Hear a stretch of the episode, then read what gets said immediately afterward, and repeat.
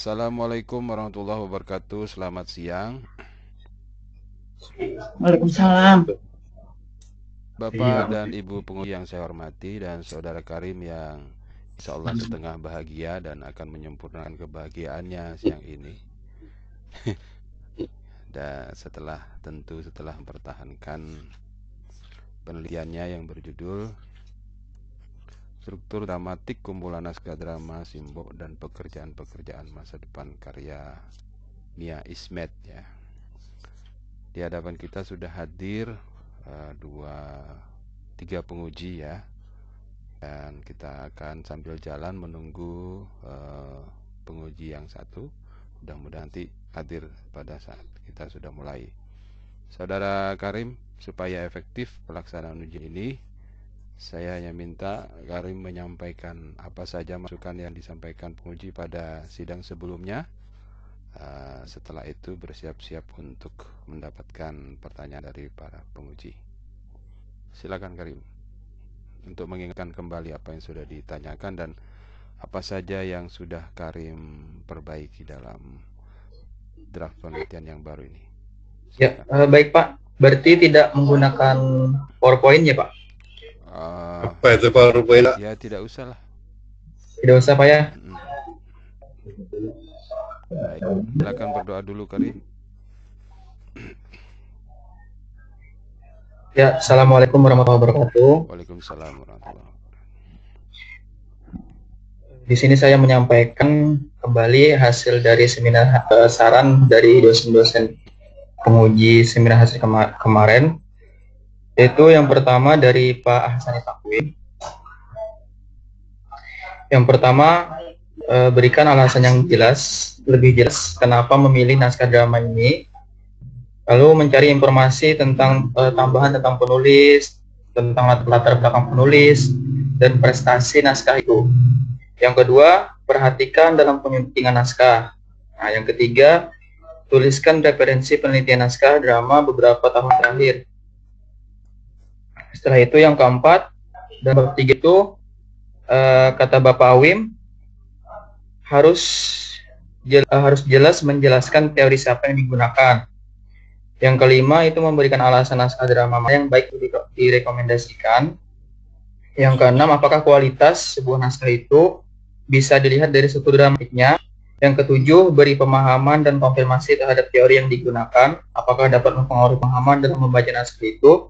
Yang kedelapan, menambahkan penjelasan efek dari tidak lengkapnya tutur dramatik. Yang kedua itu adalah saran yang kedua itu adalah saran dan masukan dari Ibu Dewi. Yang pertama, bagian pembahasan perlu ditambahkan pengetahuan bacaan tentang naskah tersebut seperti sinopsis. Yang kedua, membaca lagi beberapa teori struktur dramatik seperti spiral. Yang ketiga itu bab tiga kalau masih menggunakan teori Hasan tidak boleh membicarakan masalah kualitas. Nah, yang selanjutnya ini ada saran dari Bapak Sainul. Yang pertama itu menambahkan rumusan masalah, yaitu apa implikasi lengkap dan tidak lengkapnya struktur dramatik. Yang kedua, jelaskan implikasi naskah drama yang lengkap dan tidak lengkap. Nah, jadi di sini uh, sudah saya perbaiki semua dari keseluruhan saran-saran itu. Jadi seperti itu saja, Pak. Ya. Tapi kan pengujinya ada empat, Karim. Kok baru tiga yang kamu baca? Ya Pak, untuk Bapak Sabahan tidak ada berkomentar kemarin Pak. Baik, karena Pak Sabhan tidak berkomentar, saya persilakan sebagai penguji Pak Sabhan memberikan banyak komentar dan pertanyaan pada sidang ini. Silakan Pak. Iya, alhamdulillah. Selamat Karim ya, sudah sampai semnas, eh, semnas ya. Saya minta ini. Iya. Saya minta ini dibacakan ya. Bukan ditampilkan begini saja.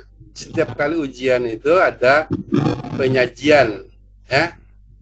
Bukan kami diminta langsung ya. Jadi cara membaca itu juga perlu ada penilaian ya. Nah, bahasanya itu eh. Jadi bukan isinya saja Memang kemarin saya apa tidak berkomentar karena sudah saya dengar sudah banyak dari penguji yang bertiga, eh, atau pembimbing ya. Jadi Itu silakan dibacakan ya.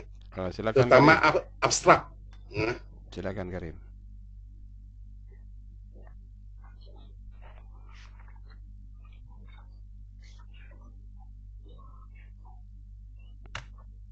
Ya, baik Pak, saya bacakan abstraknya.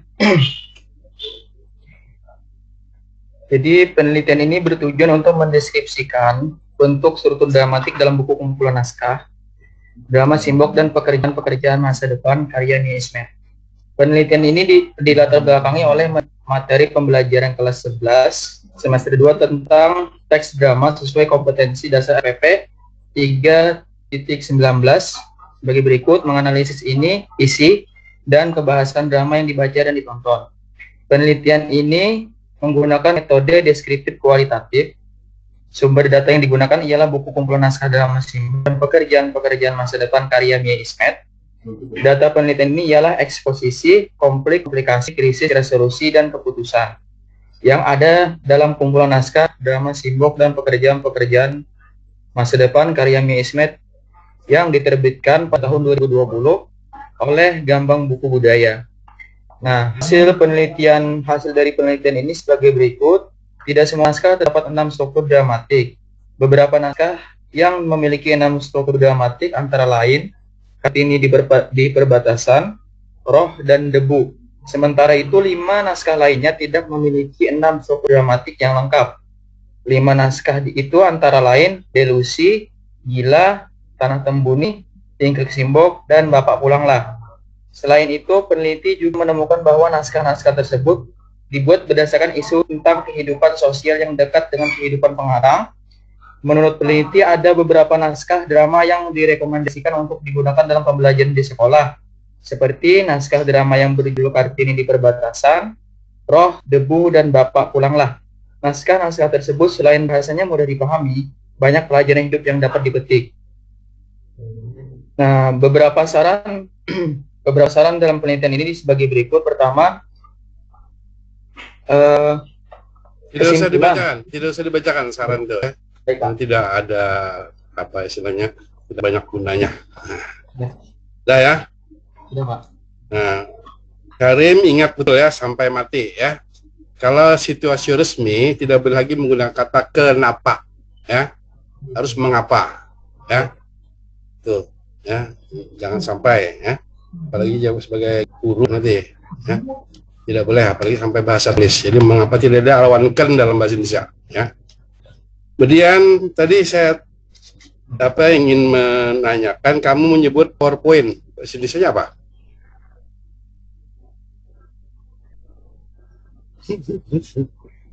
Nah, ini kurang mengikuti perkembangan ini. Sudah lama, sudah bertahun-tahun ya. Nah, apa? Salindia ya. Nah, jangan itu tuh ya. PowerPoint lalu PPT salin dia sudah anu, ya, viral eh, istilahnya. Lalu saya ingin bertanya struktur dramatik ini apa maksudnya? Jadi struktur dramatik ini adalah alur dari dramatik Pak, alur dari unsur insinis itu Pak. Jadi di dalam unsur intrinsik itu ada namanya alur Pak. Di dalam alur itu adanya struktur dramatik. Nah, seperti itu Pak. Di dalam alur ada struktur dramatik Pak. Gitu lebih, ya. Nah. Ya, apa lebih ke sana Pak. Ada berapa unsur? Ada enam Pak. Enam. Tolong sebutkan dan saya minta contoh. Jadi di sini ada namanya yang pertama itu Pak ya. Strukturnya itu eksposisi. Contohnya? Contohnya dalam naskah Desi, Pak. Jadi ya, dibacakan saja kalau ada. Ya. Saya ingin mendengar contohnya. Eksposisi Jadi, kan pertama tadi ya? Ya, eksposisi, Pak. Contohnya? Contoh uh, dialognya. Pram, ah aku tak habis pikir dengan orang-orang itu, semuanya Oh ini Pak, yang mana? Tunggu Pak, tunggu Pak. Dibaca aja langsung dicari biar perlahan, jangan tergesa-gesa. Jadi eksposisi itu Pak, eh, dialognya itu, ah aku tak habis pikir dengan orang-orang itu. Semuanya tampak bodoh, semuanya sama, semuanya hanya tontonan dengan karakter jadi-jadian. Berdalih ilmiah dengan serentatan teori bak putusan dewa dari Yunani berkamuflase menjadi peran-peran boneka. Herannya, semua orang percaya dan diam saja mendengar segala ocehannya itu. Awalnya aku berharap besar dengan tema-tema besar sebuah perhelaan yang mampu mengubah peradaban yang sedang terjadi, ternyata hanya hembusan angin kentut yang hanya menguap dan bau. Nah, pada dialog di atas digambarkan kemunculan tokoh antagonis sekaligus tokoh utama yang bernama Pram. Dari Pram inilah segala masalah dalam jalan alur cerita drama dimulai. Jadi eksposisi juga uh, alur awalnya cerita itu terbentuk. Tahu arti kata eksposisi ya, Pak? Eksposisi itu yang saya tahu ya, Pak. Iya, harus itu bukannya. Yang saya tahu, eksposisi itu awal dari cerita, Pak.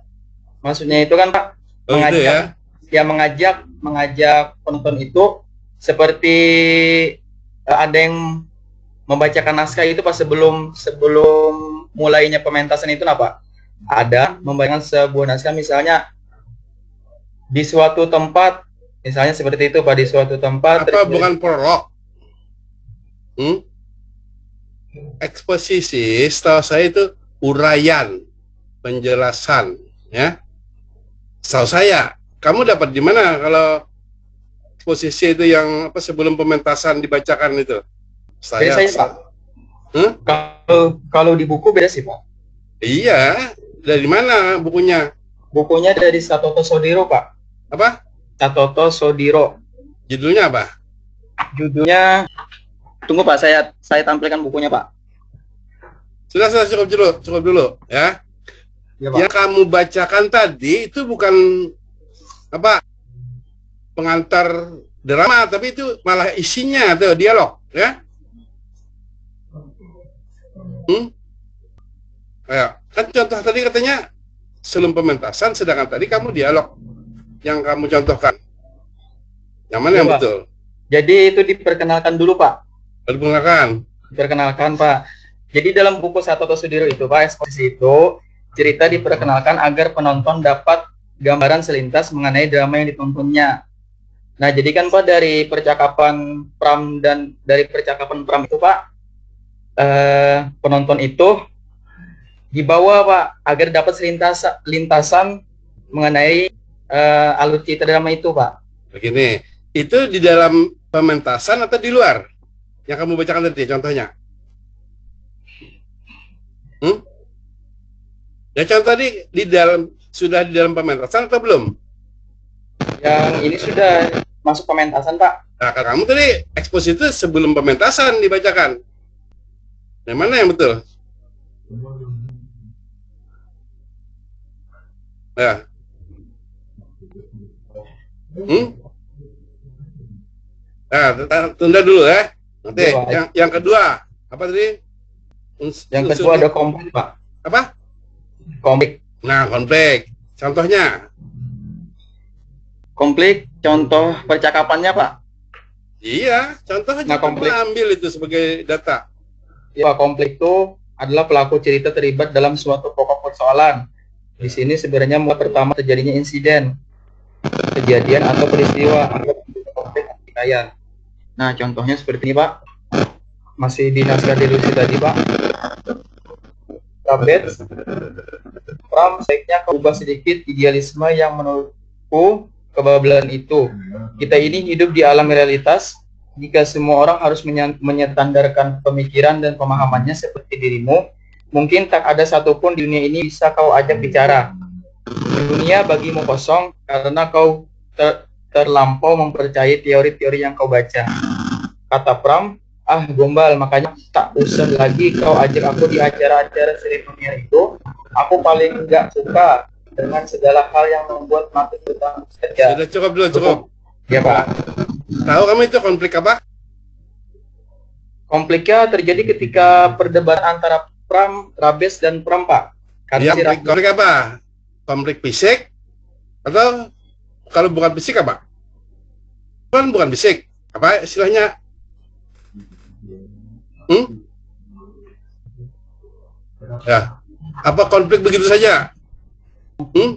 Kalau di buku ini kompleks saja sih Pak. Nah itu harus kamu yang memberitahukan, ya. Bisa kita menentukan, wah ini bukan fisik, konflik fisik, tapi konflik apa? Hmm? Non fisik minimal, ya kan? Ya Pak.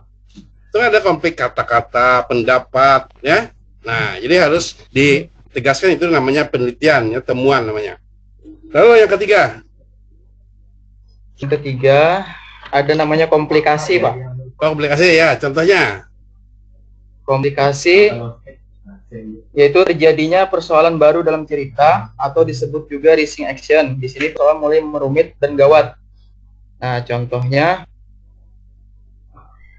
komplikasi yaitu kata Bude kebetulan sekali Nakrabets ke sini. Pram baru saja pergi, ada urusan di kecamatan. Bude ini bingung harus minta tolong siapa anak Krabes dan sahabat Pram. Tentu akan tahu persis apa yang menjadi unek-unek Bude. Kata Bet, ada apa Bude? Barangkali Rabet bisa membantu. Kata Bude, enak Rabet merasa enggak kalau sifat dan perilaku Pram sing aneh-aneh. Bicaranya ngelantur, terkadang Bude serba salah.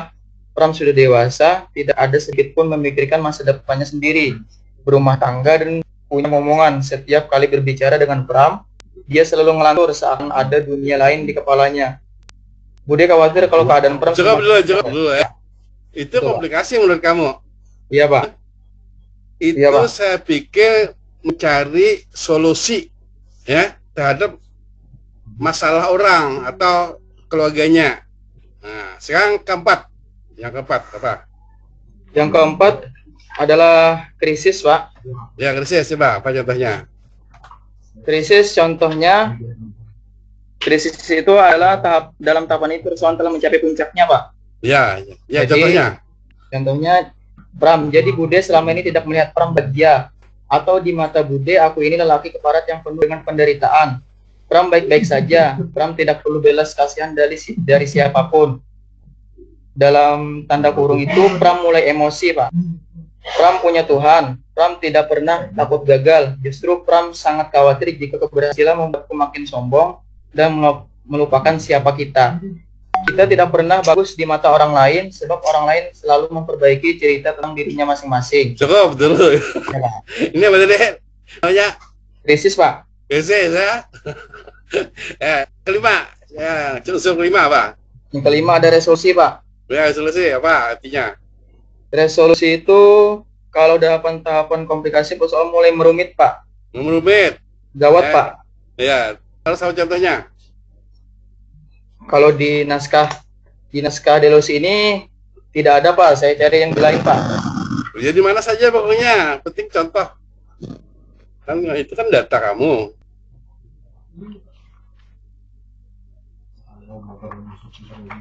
Hmm.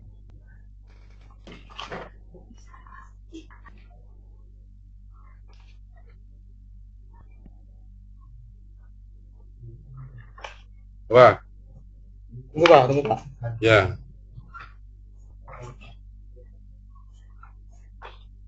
Biasanya langsung kalau ada skripsinya tuh membuka halaman ini, itu otomatis saya peneliti selisih dua tiga halaman. Nah, silakan. Resolusi ini dalam naskah dalam naskah Kartini di perbatasan, Pak. Iya, bukan contohnya, saya ingin contohnya. Contohnya, Pinah bagaikan patung tertegun, tak bergerak, pisau belum mendarah di tangannya. Polisi datang menyelidiki kasus Pinah dibawa ke pengadilan Malaysia. Pinah terbukti bersalah dan mendapat vonis hukuman gantung. Dalam masa menunggu eksekusi, Pinah berusaha mengajukan bantuan hukum ke kedutaan Indonesia. Namun dengan bukti yang kuat pun Pinah tak bisa mengelak dari hukuman yang telah ditetapkan. Itu resolusi ya? Hmm? Iya Pak, solusi Pak. Solusi ya.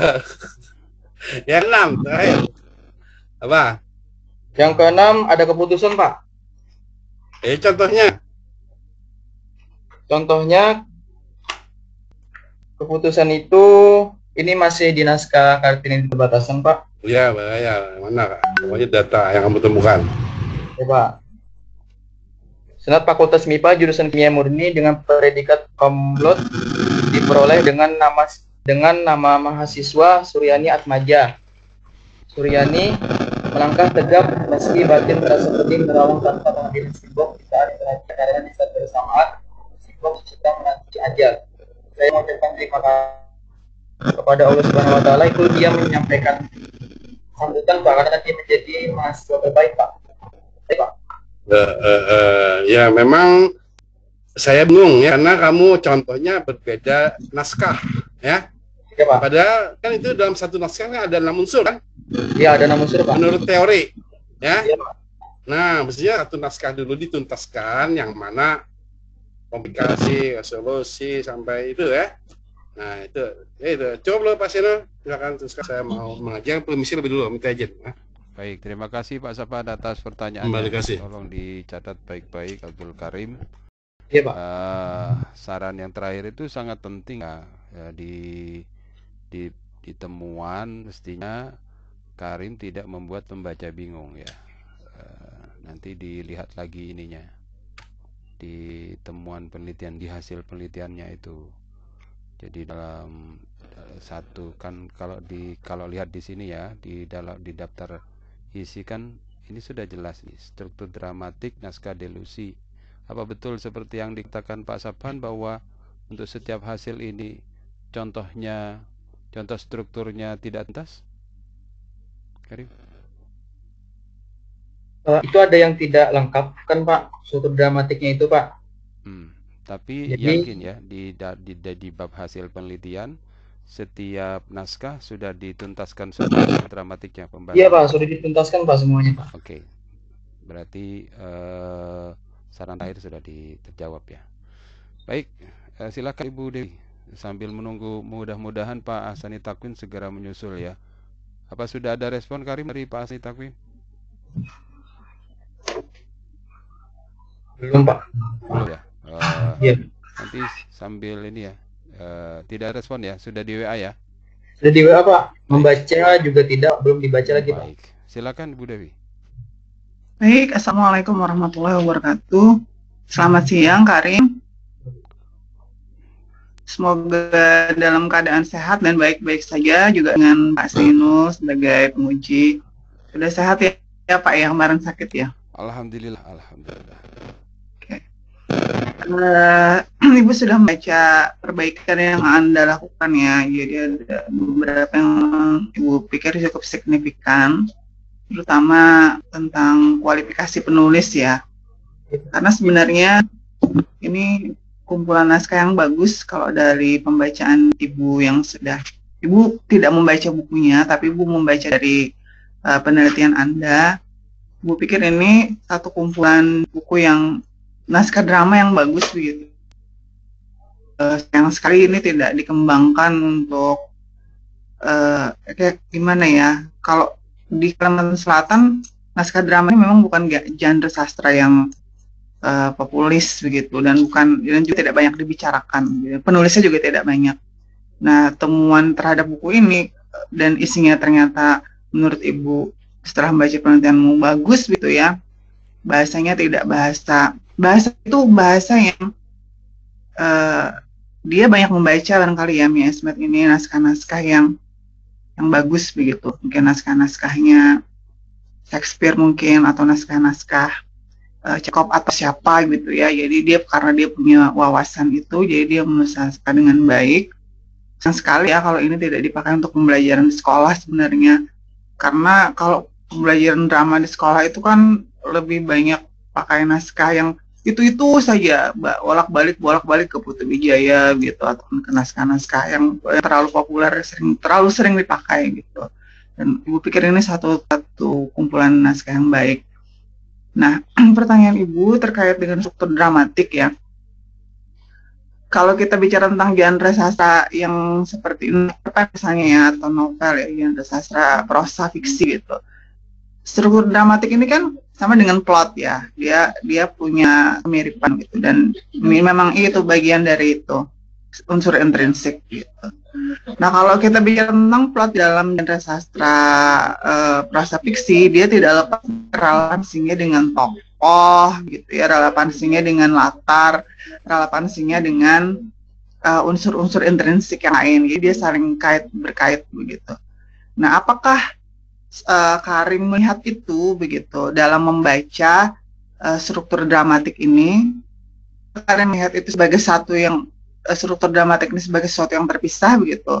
Cuma melihat uh, kalau begini situasinya kategorinya ini. Apakah juga Karim bisa mengaitkan itu dengan unsur-unsur uh, yang lain, misalkan tokoh. Misalnya kaitannya adalah apakah karakter tokoh itu mempengaruhi unsur dramatik gitu.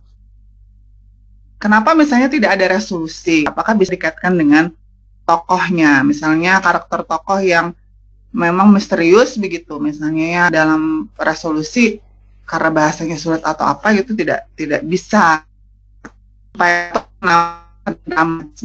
harus tidak selesai begitu harus tidak ada resolusi karena kalau resolusi akhirnya karakter tokoh menjadi tidak konsisten misalnya. Nah, apakah Anda ada membaca struktur dramatik itu dengan membaca unsur-unsur yang lain? Karim.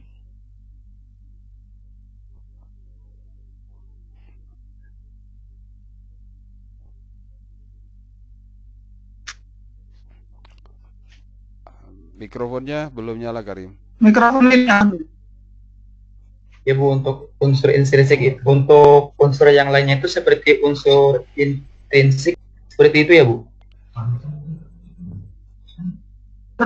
unsur drama itu kan agak mirip ya dengan unsur eh, bukan agak mirip memang sama dengan beberapa unsur dalam proses. Anda tidak waktu membaca struktur dramatik apakah Anda kaitkan dengan uh, penokohannya atau Anda baca struktur dramatik itu ya struktur dramatiknya saja Oh iya Bu. Jadi di sini untuk struktur dramatik tidak saya sangkut pautkan seperti penokohan kata Ibu. Yang saya baca struktur dramatik ya struktur dramatik saja Bu. Seperti itu Bu. Hmm, jadi tidak melihat adanya relevansi gitu ya antara uh, kemungkinan uh, pola dari struktur itu terkait dengan karakter tokoh misalnya tidak melihat ke sana ya. Iya, Bu. Ini rekomendasi Ibu Saiji memungkinkan atau sempat ya itu bisa di bisa melihat begitu. Jalan struktur dramatik itu dengan hal-hal lain unsur-unsur lain unsur-unsur intrinsik yang lain seperti tokoh plot eh, tokoh gitu ya latar nah, seperti itu. Karena mungkin saja mempengaruhi. Oh iya bu. Berarti bu kalau untuk uh, eksposisi. Hmm. ya? Bu uh, berarti bu kalau sangkut pautkan dengan unsur yang lainnya misalnya tokoh tadi kan Bu. Itu berarti apakah menambah teori lagi Bu? Tidak itu melihat relevansinya saja. Apakah misalnya mungkin bisa dipelajari ya apakah ketiadaan resolusi pada satu naskah gitu ya itu ada kaitannya dengan karakter tokoh.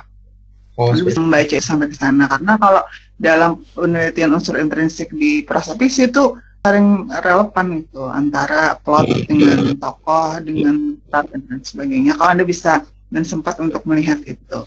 Misalkan tidak ada resolusi karena kalau dibuat resolusi misalkan karakter tokoh akan menjadi tidak tidak stabil akan menjadi tidak konsisten. Nah, nah kemudian pertanyaan kedua terkait dengan eksposisi. Nah uh, eksposisi itu dalam naskah drama begitu ya yang agak ber, agak berbeda dengan naskah uh, prasa fiksi misalnya. Tapi tidak bisa juga digeneralisir adalah ketika masuk itu kita, uh, penonton biasanya ini kalau sudah masuk ke dalam pementasan ya penonton itu biasanya sudah disuguhkan dalam satu situasi tertentu. Artinya tidak ada yang benar-benar diperkenalkan di awal gitu naskah saya Putu Wijaya, naskah saya Chekhov itu ketika dia dieksposisi itu per, uh, masuk dalam situasi dramatik yang sudah terbentuk.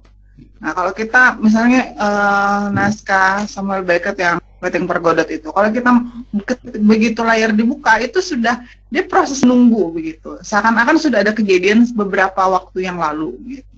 Jadi itu dia masuk tidak tidak benar-benar di awal tapi masuk dalam satu situasi yang mungkin sudah di tengah. Nah, apakah naskah jenis naskah eksposisinya uh, jenis naskah eksposisinya di buku-buku ini seperti apa? Apakah benar-benar diperkenalkan situasinya benar-benar awal begitu atau dia sudah masuk dalam situasi kegentingan tertentu begitu. Baik, Bu menjawab.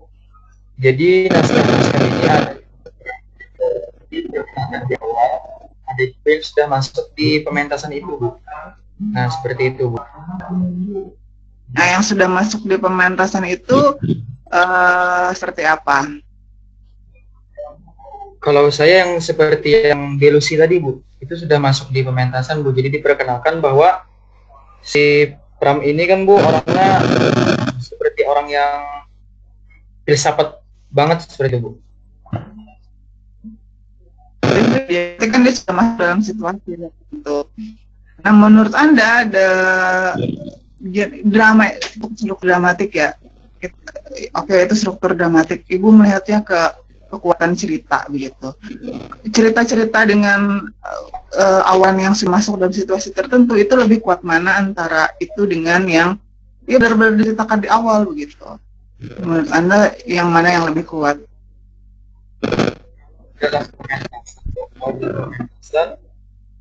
Itu lebih kuat yang ada pengantarnya itu Bu di awal itu Bu sebelum masuk ke pementasan. Kenapa kuatnya seperti apa menurut Anda kekuatannya? Uh, jadi Bu kalau di pementasan itu kan Bu dia lebih dikenalkan sebelum sebelum masuk ke pementasan itu kan dikenalkan dulu Bu. Nah jadi hmm. siklusnya itu Bu uh, mengetahui al, al ceritanya itu seperti apa. Tapi dalam kalau dalam konteks pembaca dari konteks pembaca ya Bu dari apa ini dari awalnya itu ataupun sudah masuk ke dalam uh, dialog naskah itu bu kuat juga seperti itu bu jadi nanti sebenarnya Karmi ini bisa tambahkan terkait dengan psikologi penonton ya atau pembaca dan menerima naskahnya. Ya, ya, kalau misalkan anda menganggap yang dikenalkan di situasinya belum ada apa-apa begitu itu artinya akan membantu psikologis kepada penonton untuk mem eh, memasuki cerita misalnya. Termasuk yang resolusi tadi. Tanpa adanya resolusi di akhir akan membuat penonton misalnya kehilangan uh, tidak bisa menentukan apakah dia ingin puas atau tidak puas dengan dengan naskah itu. Itu penting barangkali untuk dimasukkan. Bukan ingin mempelajari psikologi psikologi pembacanya ya tapi bisa melihat apakah naskah-naskah tersebut secara psikologis bagi pembaca itu uh, cukup memadai atau tidak dari struktur dramatiknya. Jadi struktur dramatik ini per, kembali ke pertanyaan Pak Aum yang waktu sembilan hasil ya. Apakah kekurangan atau ketiadaan dari satu unsur dramatik itu akan berpengaruh pada kualitas cerita? Nah itu penting untuk dijawab. Dan ibu baca itu masih ibu belum temukan uh, secara jelas begitu ya Armia dalam skripsimu ya. Padahal dari simpulanmu tadi kan uh, kamu melihat kalau eksposisinya terang benderang dari awal tidak tidak masuk dalam situasi yang menimbulkan tanda tanya di awal itu akan lebih nyaman dan baik untuk membaca begitu ya daripada yang yang masuk sudah gitu ya sudah ada ada konflik pendahuluan dan yang punya resolusi jauh lebih baik gitu kelihatannya dari sebenarnya daripada yang tidak yang membuat pembaca bingung barangkali uh, itu penting untuk diperjelas. Itu saja dari saya Pak Sangeno. Terima kasih. Terima kasih Bu Dewi ya, Saudara Karim. Uh, nanti diperbaiki ya, terutama per dua pertanyaan penting tadi. Soal eksposisi kamu tampaknya masih belum uh, memuaskan para penguji. Uh, apakah tadi yang kalau di Pak Sabhan itu mempersoalkan apakah ya, contoh yang disebutkan yaitu eksposisi e, masih diragukan? Yang yang kedua dari Bu Dewi itu e, apakah semua naskah drama yang dibaca itu posisinya memang eksposisinya letaknya di depan? Atau ada naskah drama yang dianalisis ini tidak ada eksposisinya? Jadi tahu-tahu sudah klimaks misalnya atau sudah krisis misalnya. Maksudnya drama itu ada nggak yang tanpa tanpa eksposisi Karim dari naskah yang dipakai ini? Dari semua naskah itu ada eksposisinya ada eksposisi semua yakin ya? Iya pak ada eksposisi. Baik terima kasih Bu Dewi. Selanjutnya saya persilakan ke Pak Hasan Takwim Terima kasih. Uh, Persen Hermawan, mohon maaf ini terlambat. Entah dari tadi ter sebelumnya di sesi sebelumnya berulang kali juga terlempar. Entah mengapa. Uh, sudah banyak tadi saya dengarkan Karim berdiskusi dengan para penguji ya uh, terkait pertanyaan yang juga belum didapatkan jawabannya di uh, revisi yang sudah dibuat oleh Karim tapi memang seperti itulah ya penelitian ada proses pencarian Karim.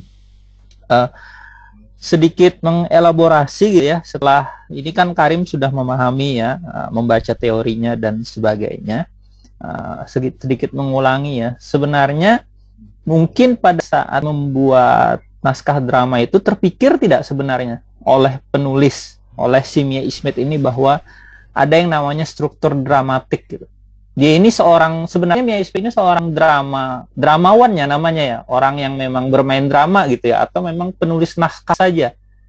Bagaimana Karim eh, secara latar belakang penulisnya? Uh, kalau itu tidak memikirkan Pak, mm -hmm. karena uh, beliau itu membuat naskah itu hanya untuk dipentaskan saja Pak, tidak melihat dari latar belakang dari latar belakang latar belakang uh, struktur dramatik itu, Pak. Hmm. Jadi mungkin kalau ditanya sengaja atau tidak sengaja menghadirkan satu unsur atau tidak menghadirkan satu unsur itu mungkin hanya soal kebutuhan cerita ya, bukan karena niatan tertentu mungkin Karimnya.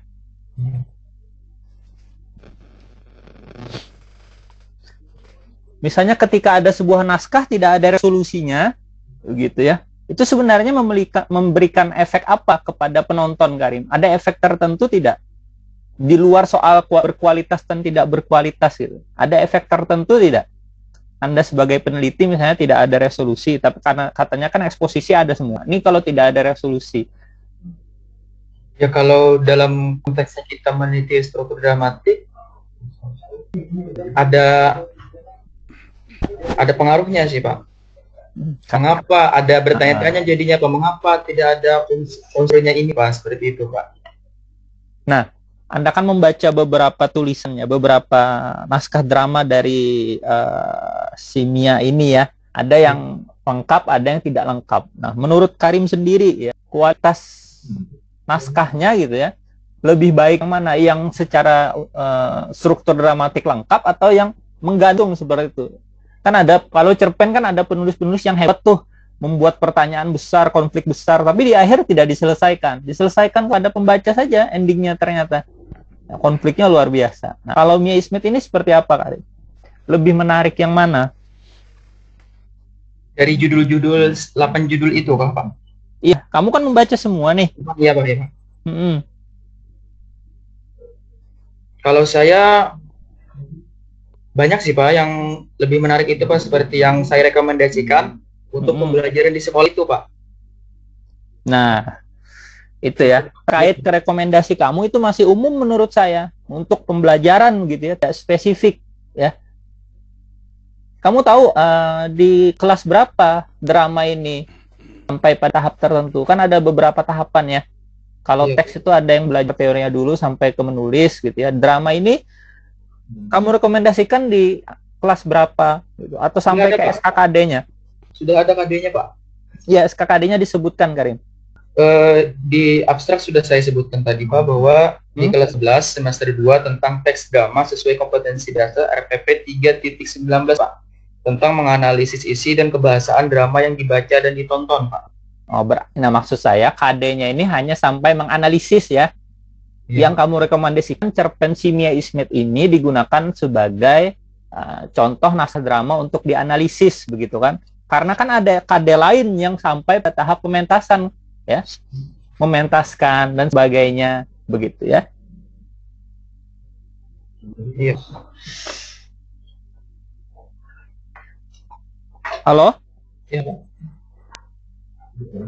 halo? Iya pak Ya, terdengar ya? Ya, terdengar, Pak.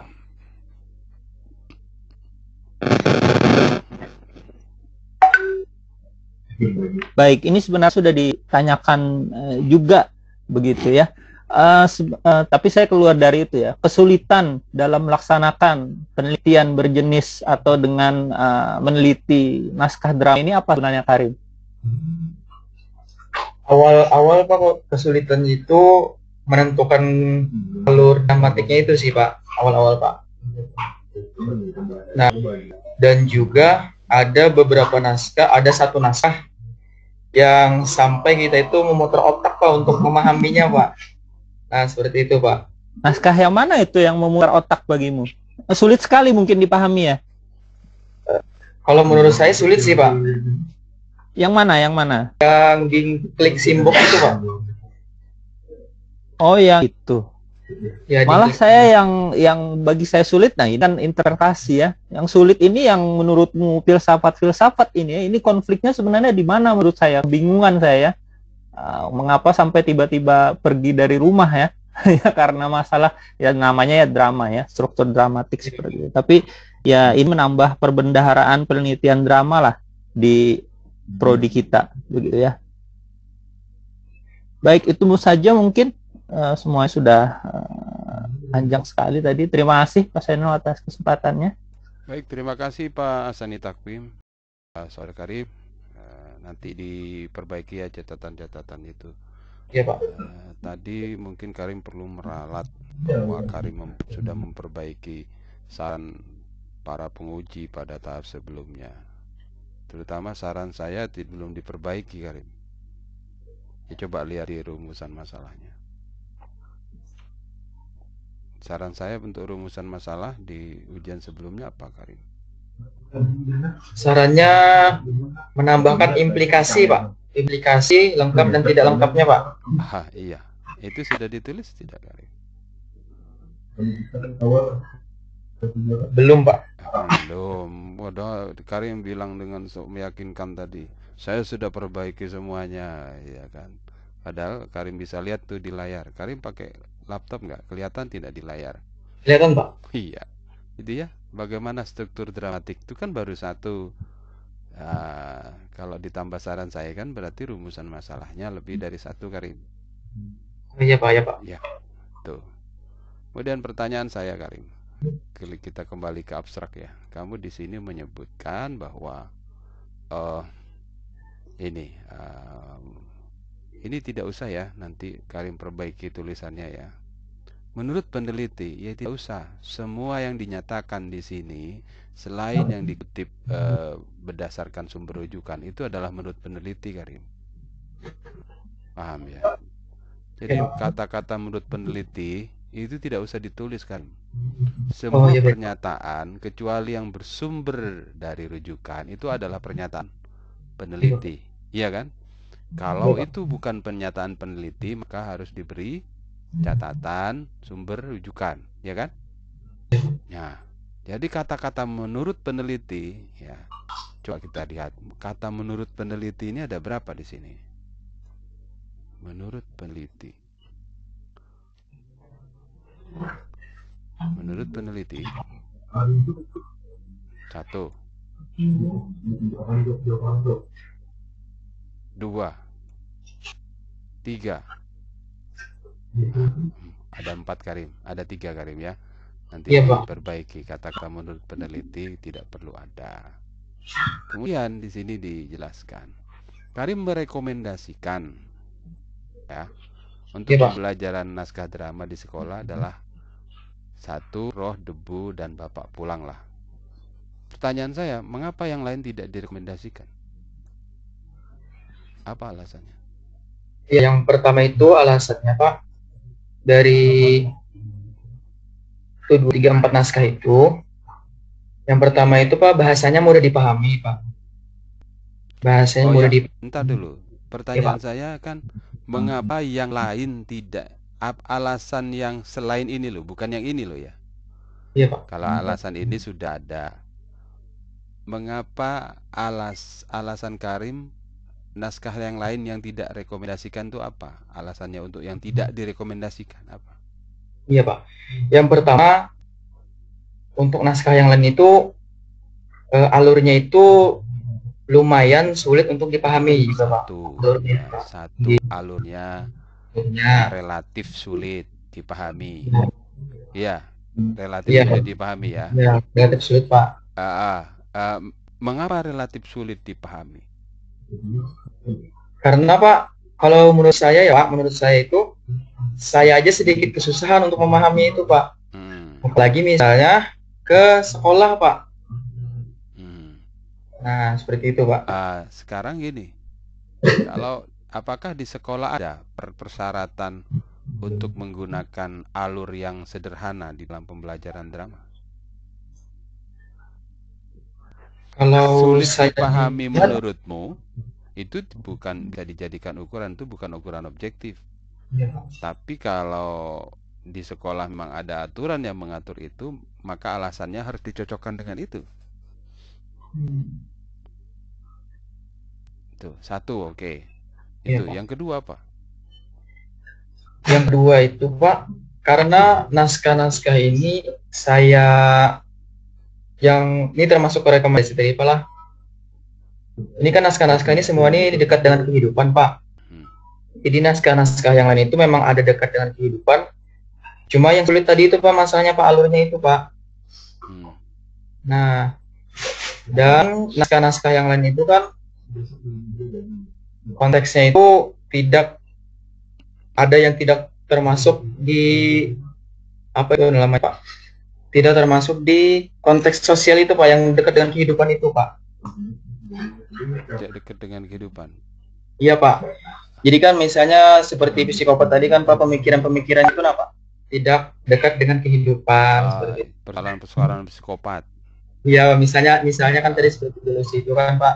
Yang filsafat apa maksudnya Pak psikopat? Filsafat. Filsafat, ya. Iya Pak.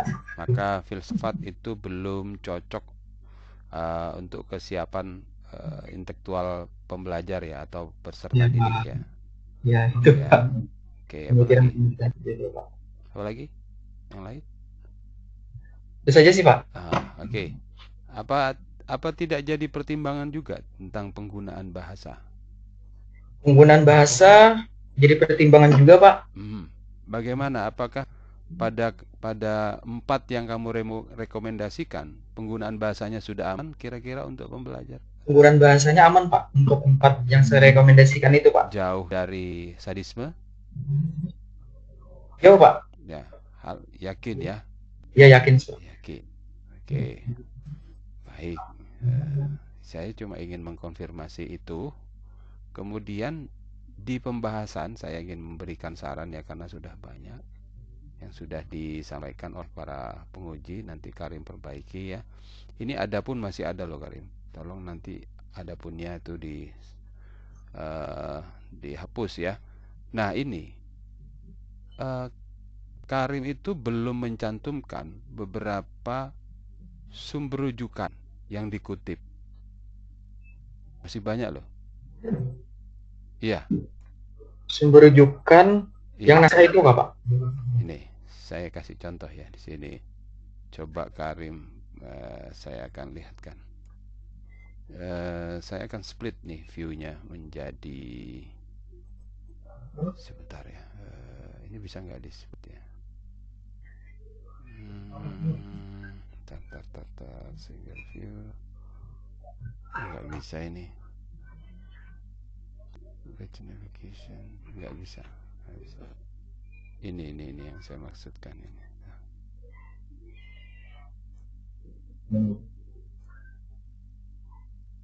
Nah, misalnya ini ada Smith dan Viala. Ada nggak di daftar rujukan? Apa semua sumber rujukan sudah ada? Wibowo, Laros.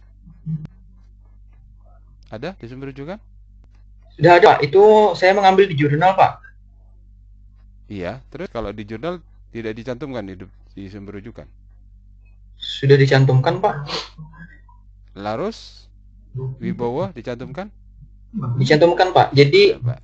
Ntar, ntar nih kita lihat aja di layar. Wibowo. Ntar. Wibowo? Mana? Jadi Pak eh, untuk yang Wibowo itu ada di, dal- di dalam salah satu jurnal yang saya cantumkan di sini, Pak. Hah? Maksudnya? Di dalam Nah, berarti salah penulisan kan? Kalau kamu ini kan kamu memberikan kesan seolah-olah kamu langsung membaca dari sumber pertama. Cara penulisan seperti yang kamu lakukan itu adalah penulisan sumber pertama. Kalau kamu membaca Wibowo dari sumber lain, maka Wibowo dalam. Paham? Oh iya, Pak. Paham ya? Wibowo dalam siapa? Kan nggak jelas. Nggak bisa di tracking jadinya. Kalau yang kamu lakukan itu adalah penulisan sumber pertama.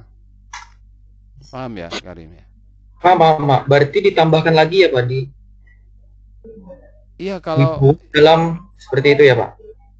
Iya kalau kamu membaca itu dari sumber lain ya dalam. Ya, baca pedoman penulisan ya. Iya, Pak. Nah. Oke, itu. Ya, yang ketiga, saran saya ini yang terakhir ya. Ini belum sistematis nih pembahasannya. Di pembahasan malah tidak tidak ada pembahasan ya. Misalnya, nah, naskah delusi. Oh, ini belum terakhir ya. Naskah delusi tidak memiliki enam aspek tersebut.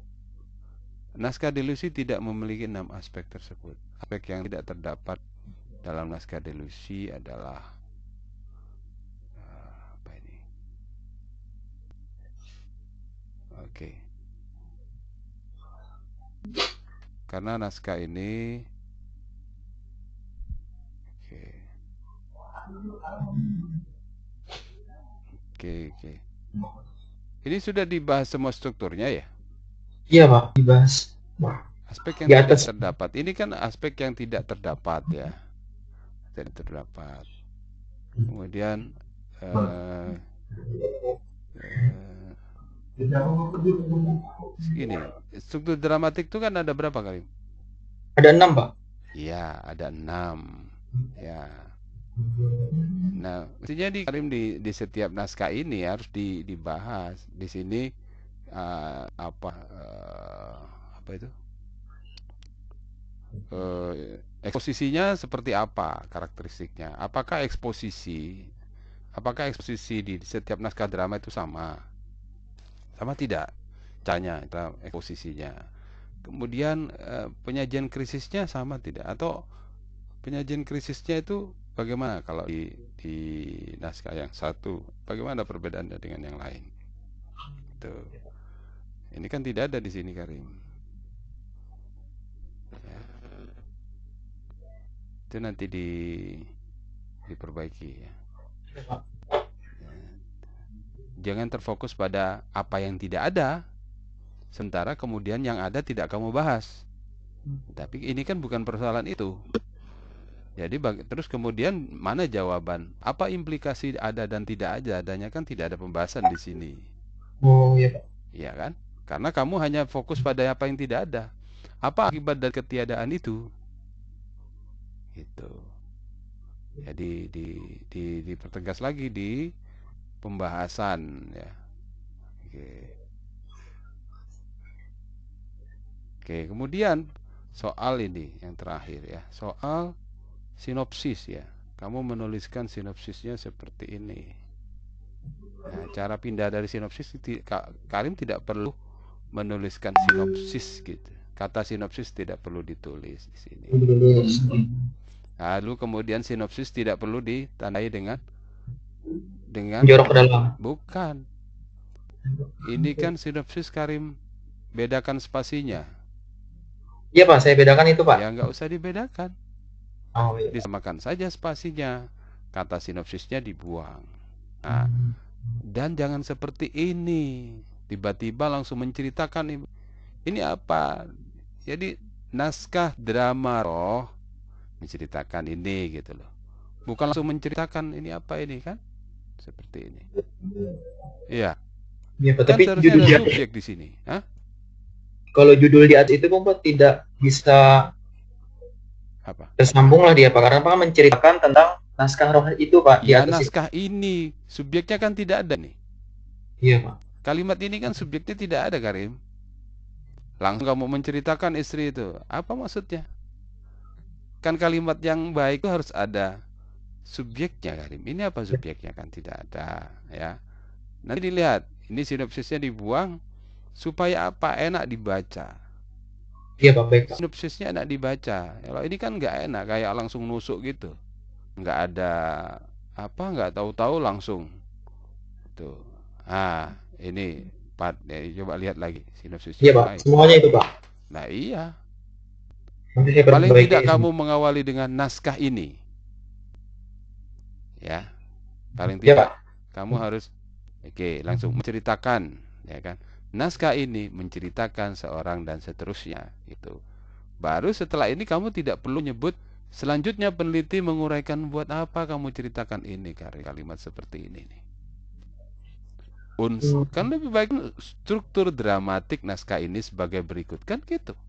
Seperti itu, seperti itu saja coba coba coba coba kalimat ini.